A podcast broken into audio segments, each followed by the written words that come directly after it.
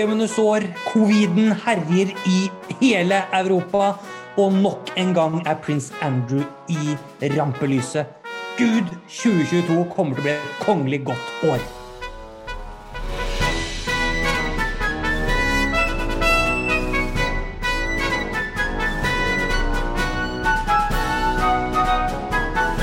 Jeg heter Ole Jørgen Schulzer Hansen, og med meg har jeg deg, Jørgen Kaupang Martinsen. Ja, det er helt riktig. Velkommen til Undersottene, og godt nyttår til alle våre lyttere. Godt nyttår til alle våre lyttere. Og til deg, Ole Jørgen. Jo, takk i like måte. Takk i like måte. Hvordan gikk du inn i det nye året? Eh, dritings. Du, da? Eh, ikke dritings. Så Der ser du, det er forskjell på folk. ja da. Det var iallfall gøy. jeg tok og røyka en sigar, da, men sånn er det jo. Sånn skjer. Sånn, det er lov. Ja. Liker å tro jeg er litt ordentlig. Ja, ikke sant. Det, ja, jeg rusla hjem fra fest eh, halv seks-draget på morgenen. Så det blei en god start. Ja, nei, men sånn skal det være. Det hæla i tak og tenna i tapeten på vei inn i det nye året. Ja, ja, ja. Det er deilig, det. Det er det, det er det. Men det har jo skjedd litt. Men, men egentlig før vi begynner på hva som har skjedd, så eh, har du bedrevet noe, noe uh, kongeligaktig i, eh, i, uh, i romjula til nyttår? Lest noen bøker eller sett noen serier eller Du, det har jeg. Jeg har uh, sett på en del nyttårstaler. Og så har jeg sett den nye serien om dronning Margrethe i forbindelse med hennes jubileum. Den ligger på dr.com, for de som, eller .dk, for de som lurer på det. Og så har jeg Får vi sett den i Norge, eller? eh, Ja, vi får sett den i Norge. Ja, da skal jeg gå inn og kikke ikke på vært i København i romjula, Ole Jørgen. Nei, men det kunne jo hende at du brukte noe sånn VPN-endring og masse forskjellig. Ja, så teknisk er jeg ikke, så det, den er åpen for oss, rett og slett. Og så har jeg i tillegg sett en litt mer sånn uh, kongelig affære, heter vel det egentlig, som ligger på NRK, om eh, svenskekongen, gamle svenskekongen. Ja. Og litt sånn, ja, hva skal man si, det var brutalt. Det var rett på sak. Så det har jeg, jeg har fått med meg litt, da. Ja, jeg har jo egentlig bare fått med meg eh, at den har kommet. Jeg har liksom ikke ønsket å se den. For jeg føler at det er svenskenes versjon av Atlantic Crossing. Uh... Ah, er, ja, nja, nja, nja, ikke helt kanskje. Det er vel egentlig de, de, er, de skal jo fremstille en eh, skandale en, som var på 60-tallet, eller 40-, 50-, 30-tallet, et eller annet sted rundt der. det kan ikke være 60-tallet, for da var han død. Ja, det var på slutten av 50, for det var etter hans død at den skandalen her kom. Men det hadde holdt på siden 30-tallet. Ja. Og det var jo egentlig bare at noen har ja, antyda et forhold, et homoseksuelt forhold, med svenskekongen. Eh, og det har på en måte delvis blitt bekrefta, delvis ikke blitt bekrefta gjennom ulike kilder opp igjennom mange år. Men nå har de liksom portrettert denne skandalen da, som er kjent i Sverige. Serien var helt OK. Uh, Det er fra en miniserie, er det ikke det? Fire episoder. fire små episoder, ja. Riktig. Ligger på NRK. Jeg må få sett den. Jeg må få sett den. Ja da, absolutt noe å blåse seg gjennom på. Ja, jeg har jo jeg har, eh, har lest ut uh, biogi eller memoarene til tsar Simeon. Den var jo? Den, uh, den var veldig bra, det, faktisk. Den, eh, den eh, Jeg satt og lo høyt for meg sjøl flere ganger. eh, For han har noen veldig morsomme anekdoter hele veien igjennom. Det er gøy. Eh, om eh, på en måte sånn han plutselig så bare endte han opp i Alexandria og gikk på skole med sånn halvparten av Midtøstens kongelige. Og vokste opp med dem på alle mulige måter. Så det er liksom det, det, det var Jeg skulle gjerne ha lest den boka før vi intervjua han, for der var det mye godsaker vi kunne ha prata med han om. Det er jo mulig at vi må slå på tråden da, til vår gamle venn. Ja, han sa jo det at uh, Altså, vi måtte holde kontakten. Så Ja, vi, får ta han, si det. Vi får ta han på ordet, tenker jeg. Vi, vi får ta han på ordet. Ja. Vi sender han en mail. Vi gjør det, takker jeg for god lesning i alle fall. Og så har jeg lest ut uh, Tore Rems andre bind om kong Olav, 'Krigeren'. Og jeg har intervjua Tore Rem nå Ja. på mandag, så den episoden kommer uh, neste fredag. Det blir veldig gøy. Det Vi diskuterte faktisk Atlantic Crossing litt der, uh, som seg hør og bør. Og det var jo spennende, det. Med en som liksom virkelig hadde satt seg inn i kilde, kildematerialet. Ja, Tore Rem er ikke den dummeste å snakke med. Det er ikke. Når du har en doktorgrad i engelsk litteratur fra Oxford, så er du ikke spesielt dum. Nei, da går det greit med deg, på en måte. Ja. Og så har jeg jo sett eh, Året med kongefamilien, da. Både den norske og den svenske. Men jeg så også den norske fra 1994. Bare sånn hm, Hvordan har dette utviklet seg Ja. de siste snart 30 åra? Jeg må si det har utvikla seg en del, for å si det sånn. Ja, det er bra, da. Ja, for det var sånn Det var bare Det sto en eh, reporter fra NRK foran Slottet og sa et eller annet på rungende nynorsk, selvfølgelig. Mm. Um, men bare sånne innklipping hele veien igjennom. Riktig. Mens nå så er det jo direkte intervjusesjoner med, med kongefamilien. Så det um, var litt mer ordentlig. Men det triste er det at i Sverige så holder de jo på sånn som vi gjorde i 94. Så Ja, og jeg har jo til og med, jeg har fått med meg den danske også, eh, året med kongefamilien. Og de har jo også den tendensen med at de klipper inn litt saker.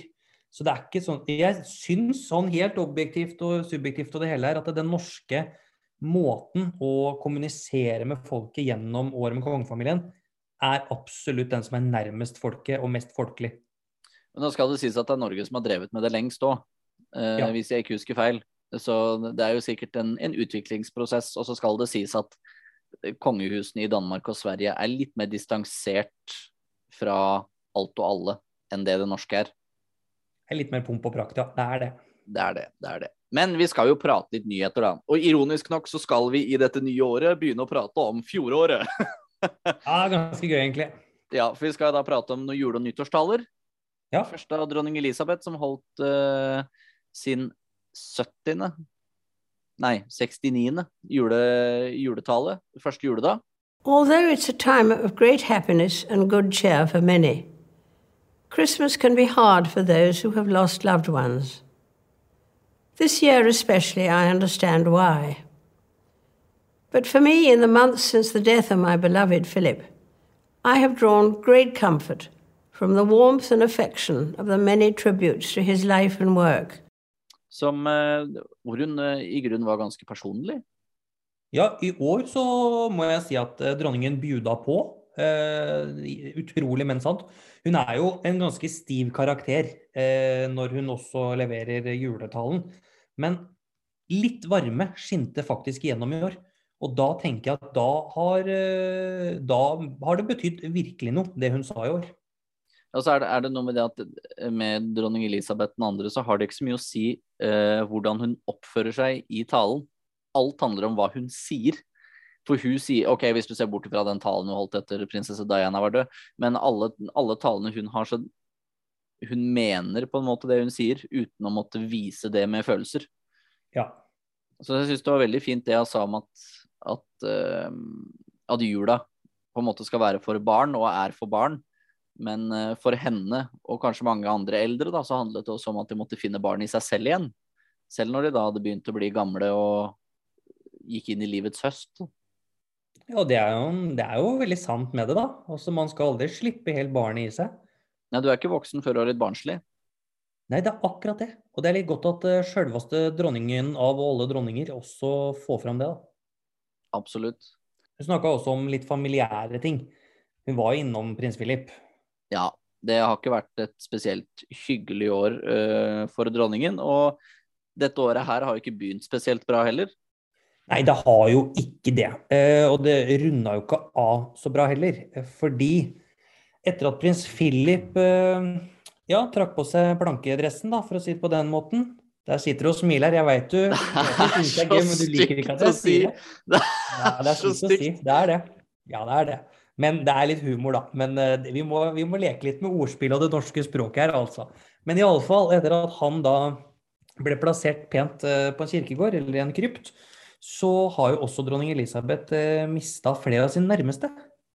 Og liksom i rom, jul og nyttår og det hele her. Og det er, det er trist å bli gammel, altså. Det er noe med når du liksom runder 96 år gammel, eller 96 år, da. Så ja. Det, det, det er som du sier, at det, det kjipe med å bli verdens eldste person, er det at alle som var i live da du ble født, er døde. Uh, Men og, Hun skal ha dette, da. Hun har valgt seg venner som blir gamle. For disse som har tatt på en måte og takka for seg og satt tøflene foran peisen for siste gang, de har jo blitt 101, noen og 90 og 96 år. ja, 90, har jo- 101, 93 og 96. Ja, det er jo helt grovt. Det er helt tydelig at dette her er uh, britisk overklasse. Ja, dette er gode venner som har festet mye sammen i alle år. Ja, tatt seg en sherry til lunsj, vet du, da lever du lenge. Ja. Men det er jo trist da for dronningen. Det er liksom Det vil ingen ende ta, virker det som akkurat nå. Og så er det jo Det er jo dessverre starten på slutten for en, en æra, om man skal si det pent. Ja. Vi må være ærlige. Det må vi. Men det har jo vært en liten tale i Norge òg. Nyttårstalen til Hans Majestet Kong Harald. Ja. Som eh, handla selvfølgelig mye om korona. Vi går et nytt år i møte, med både håp og uro. Dessverre ble heller ikke avslutningen av dette året slik som mange av oss hadde ønsket og håpet på. Skuffelse og usikkerhet preger manges hverdag. Anledninger vi hadde gledet oss til, må igjen skyves på. Det gjelder også for oss i kongefamilien. Også veldig mye om, om urfolk og den visdommen man kunne, kunne dra fra, fra deres eh, bånd til naturen. da. ja. Og det, Dette er noe som kongen alltid har interessert seg for, sånn som da han var på dette kalde statsbesøket til den ene stammen i, i Amazonas. Ja, riktig. Litt mer når han var med WWF. Ja. Han har jo, altså Vår konge har jo virkelig eh, det, også stilt seg tydelig i miljøspørsmålet i mange år. Og det var ganske interessant å se på året med kongefamilien i Danmark når miljø og bærekraft ble løftet frem. Fordi eh, kronprinsparet i Danmark, Fredrik og Mary, de er jo ganske tydelige på at eh, dette er veien vi skal gå, og vi må begynne å tanke på det grønne skiftet og tjo og hei. Men eh, dronning Margrethe har liksom for andre gang eh, i offentligheten uttalt at eh, hun vet ikke hvor meget mye menneskelig aktivitet har hatt å si for utviklingen av klimatet. Og det viser en ganske stor forskjell på den danske dronningen, eh, skorstenen i København, eh, og vår grønne konge. Det må jeg si det var interessant. Og så var det litt gøy at, at kongen eh, tok fram denne tromma som en stund var i nyhetsbildet. som han da ikke ville kommentere på hva han mente om den saken. Men nå i talen så hørtes det ut som han hadde tatt seg et lite personlig standpunkt, hvor han da sier at og denne trommen ble tilbakeført til sine rettmessige ei- eiere, som seg hør og bør. Ja, riktig. Et lite sånn Hadde vært fint om du hjelper oss til litt grann her, Margrethe, akkurat nå. Ja, Mm. det, en, en liten sånn en Ja, dere veit hva jeg mener. Ja. Det var, det, det var, var, var, var veldig finslipt eh, patos i den talen der, gitt. Ja, meget flott. Ja, det var en flott nyttårstale. Igjen, eh, godt gjennomført av Hans Majestet. Og den koronaen som han prata om, den har jo klart å lure seg inn i kongehuset av den. Oi, oi, oi, oi, Ole Jørgen. Også ikke nok med at det er femte smittebølge fra Romania til Tromsø, altså. Men det har jo virkelig blitt en liten eh, bølge over det ganske kongelige landskap. Det må jo sies. Ja, først så kom jo da nyheten om at, eh, at eh, kongeparet av Sverige var smittet. Og så kom jo da nyheten om at eh, det svenske kronprinsesseparet var smittet igjen. Ja, for andre gang. Mon tro, mon tro. Ja, vi får håpe at det går bra med de, det må man i alle fall si, da. Det gjør det, men, men man skal faktisk ikke, ikke kimse av det. For eh, prins Daniel er tross alt i en alvorlig risikogruppe. Ja, er Ettersom han har, har fått, eller fått utført en nyretransplantasjon. Da. Der er det en god del medisiner som tas som eh, ikke er så heldige for immunforsvaret. Ja, så det er jo kryss fingra, dette skal gå bra. eh, Men det er jo en kjedelig måte å starte for ja, det store deler av det svenske kongehus da, med å sitte i karantene og isolasjon. Så det gjør jo at eh, prins Carl Philip og prinsesse Sofia da, får skinne litt ekstra akkurat nå i januar. En annen som også er i en alvorlig risikogruppe, er da Konstantin 2. av Hellas, som også har blitt smittet. For det Ja. første så hadde han vel slag i 2017, og for det andre så var han innlagt med eh, dobbeltsidig influensa eh, nå på, mot slutten av året. Og så korona på toppen av det hele. Ja, hvor mye skal en eldre herrekar på noen og 80 tåle? Det er jo På et eller annet sted så er det noen grenser som går. Så vi må igjen da bare krysse fingrene for at uh, forhenværende majesteten av eh, Grekenland faktisk kommer seg gjennom også dette. Absolutt. Absolutt. Ja. Er er det jo det. på en måte kjedelig. Det må jo sies. Og det er en uheldig statistikk blant de danske søstrene som har mista sine ektemenn, nå unntatt dronning Anne Marie. Så tallenes tale er jo klare på at han tar kvelden snart, men vi må jo håpe at det ikke er sant, da. Ja da, vi får håpe at det ikke er enda, i alle fall. Det, når han har klart å gå seg et slag og dobbeltsidig lungebetennelse, så klarer han vel å gå av seg korona òg. Ja da. Men så skal vi til Luxembourg, for der er det både en uh, storhertug og en arvestorhertug som har uh, klart å få på seg koronaen. Dratt det på seg, begge to. Både Henri og uh, Guillaume, eller William. Litt ettersom hvilket språk man tar det på. Wilhelm. Det. Hva sa du? Wilhelm. Vil, du tar det på den varianten òg. Det er lov, det òg. Alt er lov. Eh, men det er jo Ja, også da har vi på en måte både nord, altså nordområdene med det svenske kongeparet og kronprinsesseparet, Sentral-Europa med Luxembourg og Sør-Europa, Middelhavet, med den greske kongen. Så ja, det er eh, Nok en gang da, så må vi jo si at de holder seg aktuelle og i takt med sin befolkning, disse kongelige. Det må vi få lov til å få all honnør for. Ja, de, de stiller virkelig opp. De stiller opp. De viser at uh, denne situasjonen er dere ikke alene om, og det skal de ha. Så jeg forventer egentlig at Mette-Marit tar en for uh, skuta snart, uh, og drar på seg en liten omikron. Ja, vi får håpe at det er noen andre i det norske kongehuset som gjør det, ettersom hun også er i en alvorlig risikogruppe.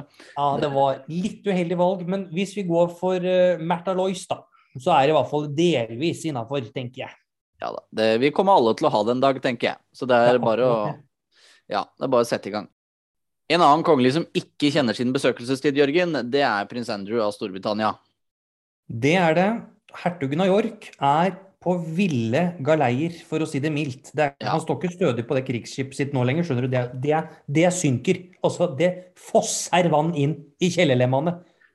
Det var enda godt at prins Harry og Meghan Markle ikke gikk etter han, for da hadde han vært på bånn et eller annet sted allerede. For eh, det som er greia her, er jo at det har blitt eh, innrapportert et sivilt søksmål mot prins Andrew som han ønsket forkastet. Det ble det ikke, ifølge en, eh, en rettshøring i Storbritannia. Eh, I så New York, var det ikke det, da? Med dommer i New York? Var i New York, ja? Ja, det er i Ja. Amerika dette foregår, vet du. Jeg skjønner, jeg skjønner. Da er det bare jeg som har blinksa på På Atlanteren, og det er fort gjort. Ja, det er lett, vet du. Jeg har aldri vært god i geografi.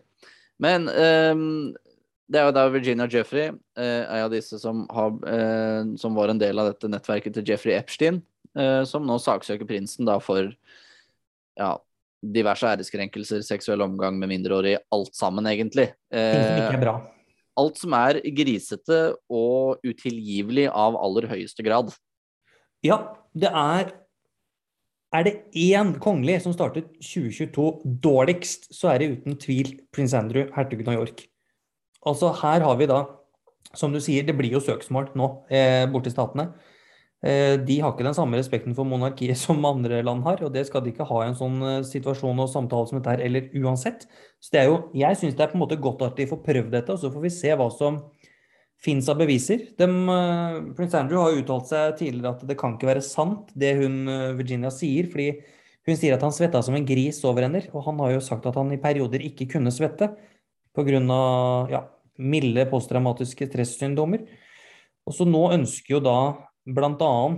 Eh, forsvarsadvokatene ja, til Virginia at eh, de, dette skal bevises. At han i perioder ikke kunne svette. det, det er jo nettopp det, det. Det her faller jo på sin egen urimelighet, spør meg, da. Det, det er mye rart prins Andrew har sagt her, og hvis du ser det intervjuet som han utførte, så tror jeg du kan se et par svetteperler på den panna der. Eh, Så, Ja, det renner jo. Ja, det gjør det. Eh, Og han har jo da måttet selge skiresorten sin i Sveits.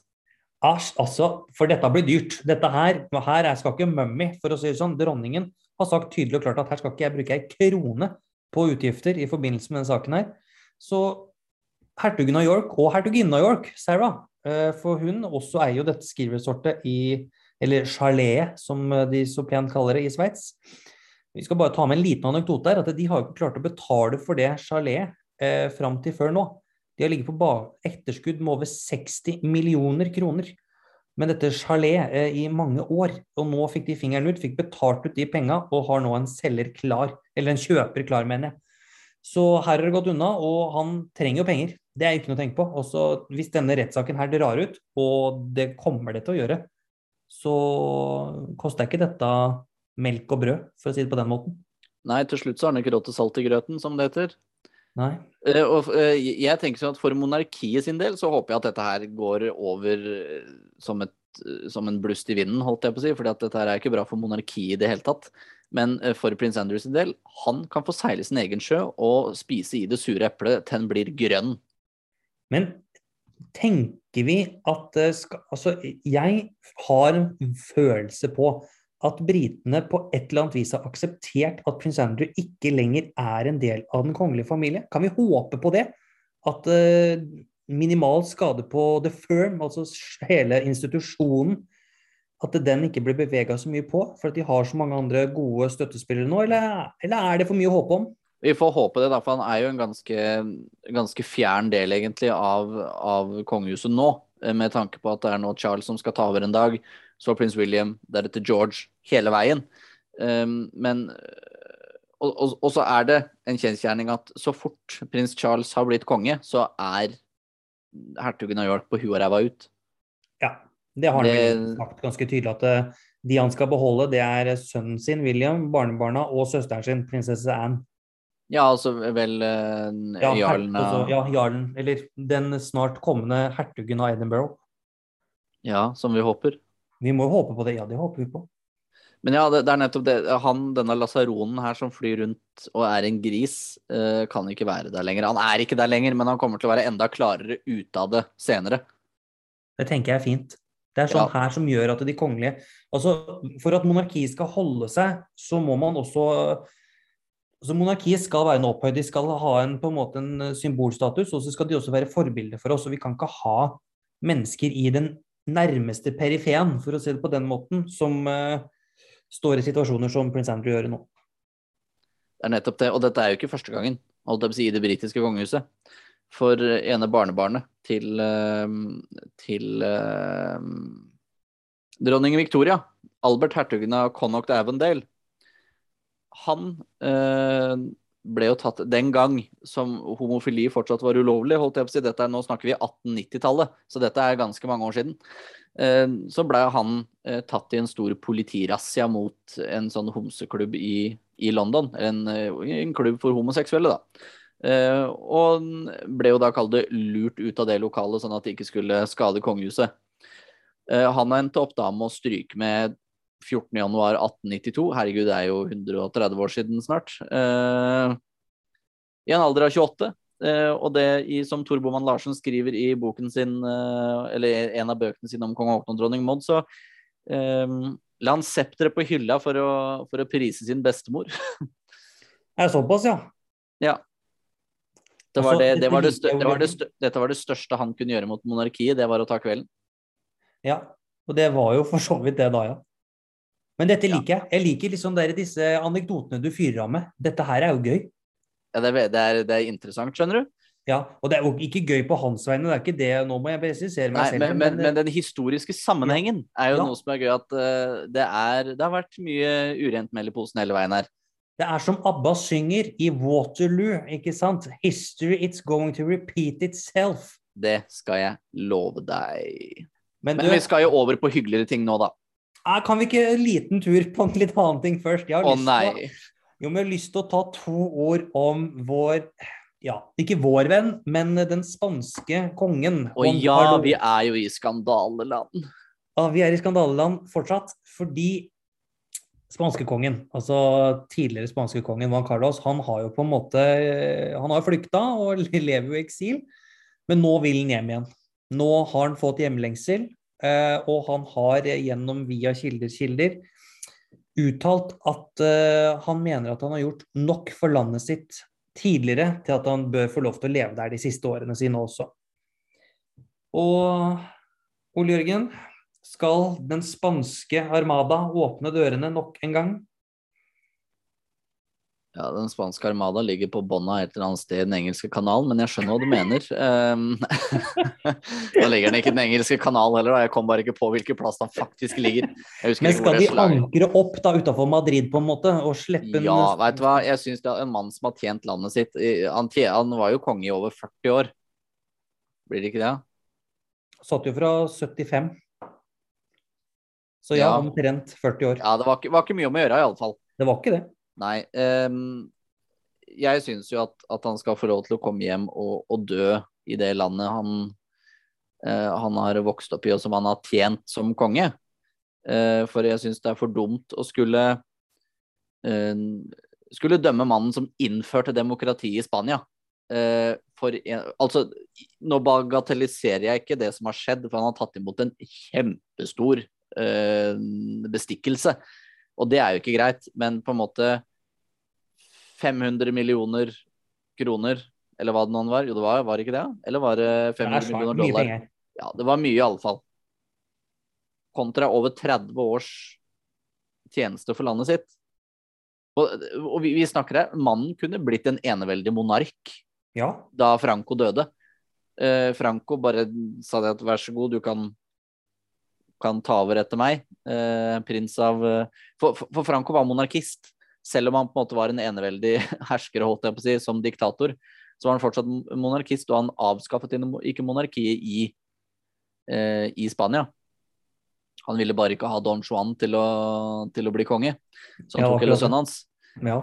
Um, så jeg syns at let bygons be bygons. Mannen er gammel. Det er ikke, er ikke mange åra. Uh, la, la han få leve ut de siste i et innenlandseksil, da, i et eller annet slott eller bunkers, jeg veit ikke. Bare et eller annet. Så han får være i Spania. Ja, det er som du sier, altså vi snakker om mannen som har forma det moderne Spania, og som veldig mange spanjoler har et eh, godt forhold til, selv om han har eh, gått på noen smeller med både elefantjakt i Botswana, elskerinner i Tyskland og saudiarabiske bestikkelser, for å nevne noe. Men det er jo tross alt en statsmann, en tjenestemann, en som har stått opp for folket sitt i også stor grad. Og som du sier her, han er demokratiets far på mange måter i Spania. I hvert fall det moderne Spania. Så skal vi konkludere med at uh, rulle ut løperen og send på et slott, så er vi litt enige om at dette skal gå greit allikevel. Ta han inn bakdøra, bakdøra og få han på hytta, tenker jeg. Det, Ja, men det er greit. Ja, det får være greit. Jeg skal leve med det, Ole Jørgen. Hytta, hytta i Spania, det går fint. Ja, det, Er den hy- på Marbella, tenker du? Den hytta er sikkert større enn det norske slott, så det går nok helt fint. Men nå kan jeg få lov til å innlede det hyggelige, kan jeg ikke det? Kjør på. Kjør For- på. Året 2022 er jo jubileumsåret ut av en annen verden. eh, På alle mulige måter, både i, både i myndighetsår og, eh, og runde tall. Altså både innenlands og utenlands, må vi si. Absolutt, absolutt. For vi har jo da først eh, dron, Eller aller først så er det dronning Margrethe av Danmark, som da har regjert i 50 år den 14. januar. Ja, altså på fredag. Altså i dag, når episoden slippes. Ja, det er sant. I dag, når episoden slippes. Eh, dronning Elisabeth 2. har regjert i 70 år. Den 6. Altså, februar. Vi klarer å forestille oss hvor langt det egentlig er.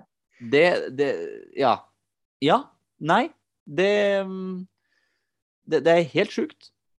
Eh, prinsesse Ingrid Alexandra blir 18 år 21. januar. Prinsesse Astrid blir 90 år 12. februar. Ja. Eh, prinsesse Mary av Danmark eh, blir 50 år i år. Og eh, hertuginne Catherine og eh, hertug William av Cambridge blir 40 år begge to. ja. Altså, Hvorfor er det en pandemi? Vi skulle jo dratt rundt fra festlighet til festlighet. Akkurat nå, så mens vi slipper podkastepisode, så skulle vi vært i København. Eh, for det skulle vært gallamiddag i kveld.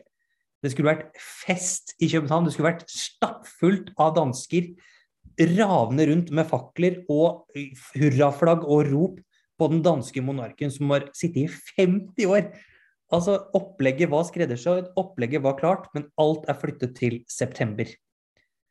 Heldigvis, og så på en måte prinsesse, crown, prinsesse crown princess Mary, hun skulle hatt et 50-årsfest, en gallamiddag hun òg, på Rosenborg slott. Den ble det ikke noe av, og den er ikke reskedulert, altså den er ikke flytta på, sånn som dette eventet. Men Johnny Margretes store jubileumer skal etter planen gjennomføres i september. Og gud, jeg gleder meg!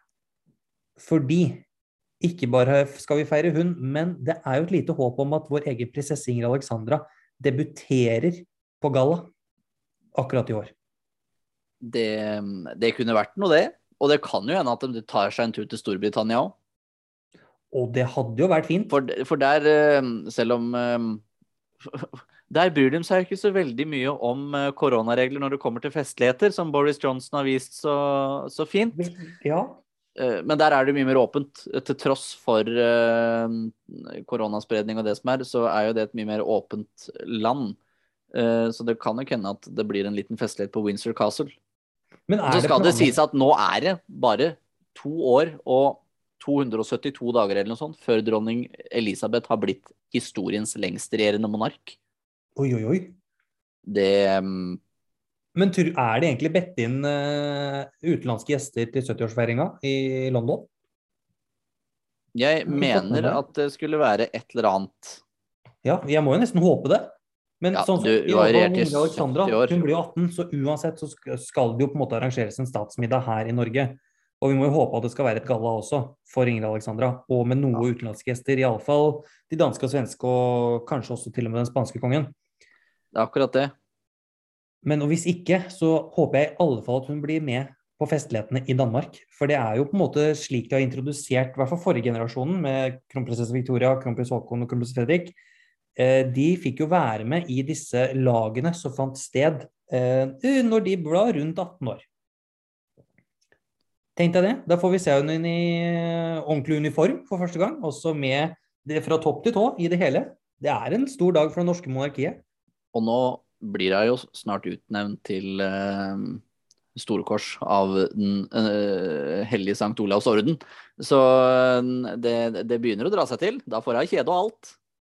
Det drar seg til. Men kan vi bare si én som har dratt seg skikkelig til i Norge, er jo min kjære prinsesse Astrid. Ole Jørgen, hun blir historisk. Det er hun. Det blir hun 12. februar. Hvorfor det? Hvordan blir hun historisk? Fortell det til meg. Jeg sitter og smiler her når jeg tenker på Da det. er hun den første norske kongelige, eh, så fremt jeg vet, i hele vår lange historie, som eh, blir 90. Tenk deg det. Altså, lilleprinsesse Astrid, Norges førstedame i en årrekke. Kongens lille storesøster blir 90 år. Det er en bragd. Det er det. Det er det. Det, Det, verste er det at hun fortsatt driver og flyr rundt med korsett og krykker og liksom åpner skip og det som er, holdt jeg på å si. Altså, den dama der, fy fader, hvis jeg er så sprek når jeg er 90, ja, dæsken steike, da skal jeg også fly rundt med korsett og krykker også. Ikke at det er et pent syn, men, eh, men altså, det kunne vært noe for det. Og Ja, da skal jeg i hvert fall få ta bilde. det skal du få lov til. Jeg har jo sett deg i kjole før, jeg. Ja, Så- det ja, folk har gjort det, skjønner du. Ja, nå skal det sies at det var på en sommerleir, da, ikke på et litt sånt lugubert lite utested en eller annen Nei, plass. Gud, det var ikke i Amsterdam, det må jo Nei, det var, var på en sommerleir i en revy, eh, så Ja, det var det, det, var under ordnede former. Men det er jo ikke noe tvil om hvem jeg skal sende brev til nå i februar, iallfall. Det er jo bare bare å skrive under på. Skjønner ikke hva du mener. Nei, du skjønner ikke hva jeg mener i det hele tatt, nei. Nei, Sist gang ja. jeg fikk brev da fra prinsesse Astrid, så var det undertegnet av henne selv, så jeg bare tenker at vi går vel for det nå igjen, gjør vi ikke det? Det må jo det når det er gratulasjonsbrev. Steik, altså. 90 år! Det er jo så tøft. Herregud. Det er Hun hadde jo forresten bryllupsdag akkurat nå også, hun eller skulle hatt bryllupsdag. Og i det bryllupet så var jo til og med prinsesse Margaret av Storbritannia. Det er en liten sånn fun fact. Det er ikke ofte de britiske kongelige farter rundt, altså. Nei, hun var jo da den offisielle utsendingen, og hun gikk vel da med en av disse svenske prinsene, gjorde hun ikke det? Ja, prins Bertil. Yes. Onkelen til nåværende svenskekongen, da. Nei, så fordi flaten rulla, så dette her Dette er et bra år. Både innenlands og utenlands. Jeg gleder meg til 2022 fortsetter, Ole Jørgen. Ja, jeg og dette blir altså så bra. Eh, Det er så meget som skjer. eh, Og har så mye spennende på tapeten. Ja, og det kan skje de utroligste ting, og det blir vel en skandale eller to som vi må adressere, og det blir vel noen spørsmål som vi må ta opp uansett. Og ja, det er som vi snakka om før jul, det er et generasjonsskifte. Du veit aldri hva som skjer. Ikke at jeg skal spekulere i noe nå, altså, men eh, vi får da både gladnyter og triste nyheter i 2022, vil jeg tro. Det er det så absolutt. Men vi skal jo, det er noen andre historiske ting som har skjedd da, i Storbritannia. Ja, For uh, Camilla, hertuginnen av Cornwall, har blitt utnevnt uh, til uh, Lady of the Hosebåndsorden.